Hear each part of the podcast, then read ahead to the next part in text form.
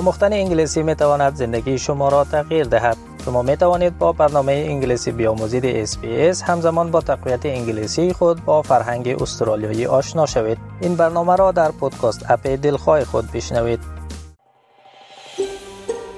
شما با پروگرام دری رادیوی SBS هستید.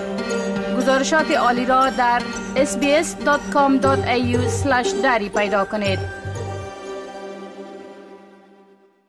حال با جاوید روستاپور خبرنگار برنامه دری رادیوی اسپیس برای جنوب آسیا به تماس هستیم که اونا درباره تازه ترین رویدادها در ارتباط به افغانستان صحبت می‌کنن.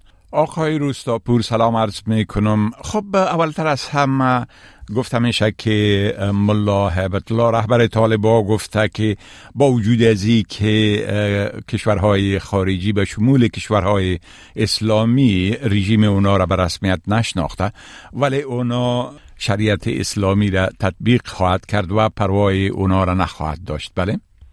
عبدالواحد ریحان رئیس خبرگزاری باختر که تحت مدیریت طالبان رسانه فعالیت دارد به نقل از ایبتلای آخونزاده نوشته که اوی سخنان را حدود چند روز پیش در دیدار با رئیسان اطلاعات فرهنگ ولایت ها گفته رهبر طالبان گفته است که جهان کفری بر آنان فشار خواهد آورد و شماری از کشورهای اسلامی هم در تعامل و در همسویی با کشورهای غربی طالبان را به رسمیت نخواهند شناخت ولی او تاکید کرده که شریعت باید پیاده شد و مسئولان امارت اسلامی در ولایت باید همه چیز را از شریعت بگیرند و از خودخواهی و به گفته او از رفاه و آسایش که باعث تنپروری می‌شد بگذرند.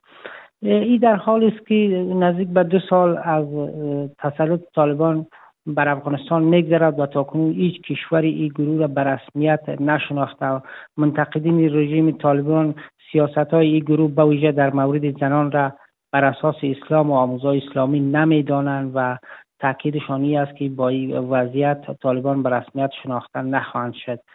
پیش از این هم در سخنرانی یا بیانی هایی که منصوب به او از طرف طالبان نشد شد تاکیدش بر پیاده کردن شریعت بود و همچنان تاکید کرده بود که حقوق زنان در چارچوب اسلامی که طالبان از او تعریف دارند داده خواهد شد نه بیشتر از آن.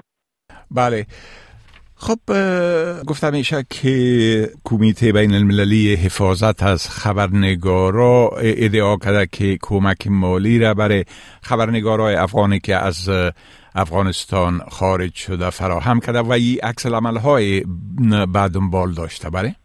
دقیقا کمیته بین المللی حفاظت از خبرنگاران یا سی پی جی با انتشار گزارش گفته که به شماری از خبرنگارانی که به کشورهای همسایه افغانستان از جمله پاکستان، ایران، هند، تاجیکستان مهاجر شدن در سال گذشته کمک مالی کرده و دهها خبرنگار را این نهاد خبرنگاران که در تبعید هستند دستگیری کرده.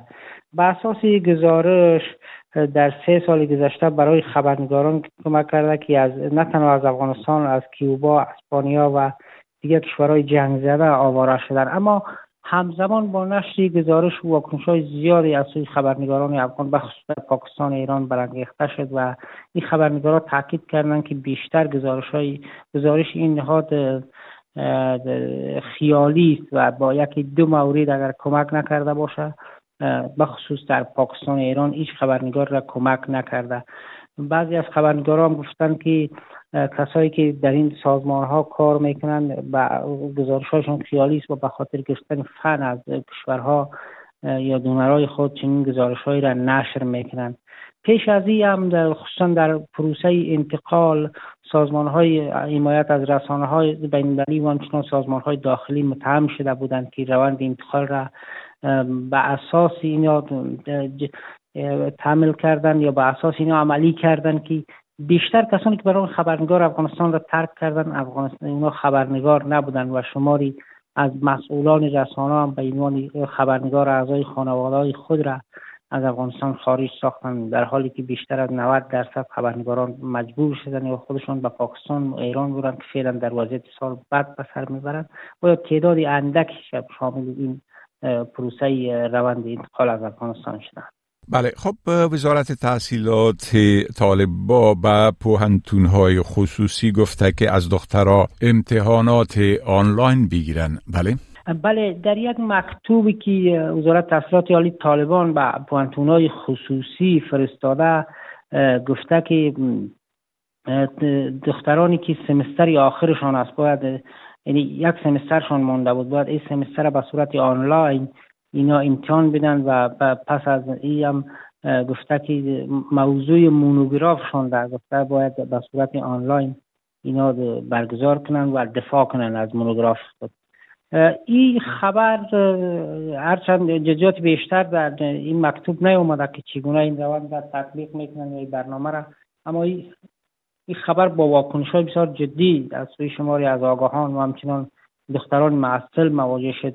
دختران که از درس باز موندن اینا تاکیدشان این بود که این رای حل نیستی دخترها گفتن از سوی هم اینترنت در افغانستان درست کار نمی‌کنه ضعیف است و موضوع دیگه ای هزینه دارد که در وضعیت بسیار بد اقتصادی نمی‌تونن که اینا هزینه را بپردازن و موضوع سوم هم ای است که اینا در طول یک سمستر درس نخواندن. اینا چی را باید امتحان بتن و موضوع چهارم هم مونوگراف گفتن که نیاز داره به یک استاد راهنما که اینا را راهنمایی کنند و در طول سمستر اینا تقدیم می‌کنن یا باید پای هم با استاد خود مشوره کنند. و این مورد نمی‌تواند که جوابگو باشد. همچنان بسیاری ها در شبکه های اجتماعی یک تنز و چاشنی گرفتن و گفتن که طالبان دارن با همه چیز به گونه بسیار بیرویه و به گونه بسیار خارج از منطق برخورد می‌کنن که این هم یکی از نمونه است. بله خب بسیار تشکر آقای روستاپور آقای روستاپور از این معلوماتتان و فعلا شما را به خدا می سپارم و روز خوش برتان آرزو می کنم خدا حافظ ناصر شما. بپسندید شریک سازید و نظر دهید. اسپیس دری را در فیسبوک تعقیب کنید.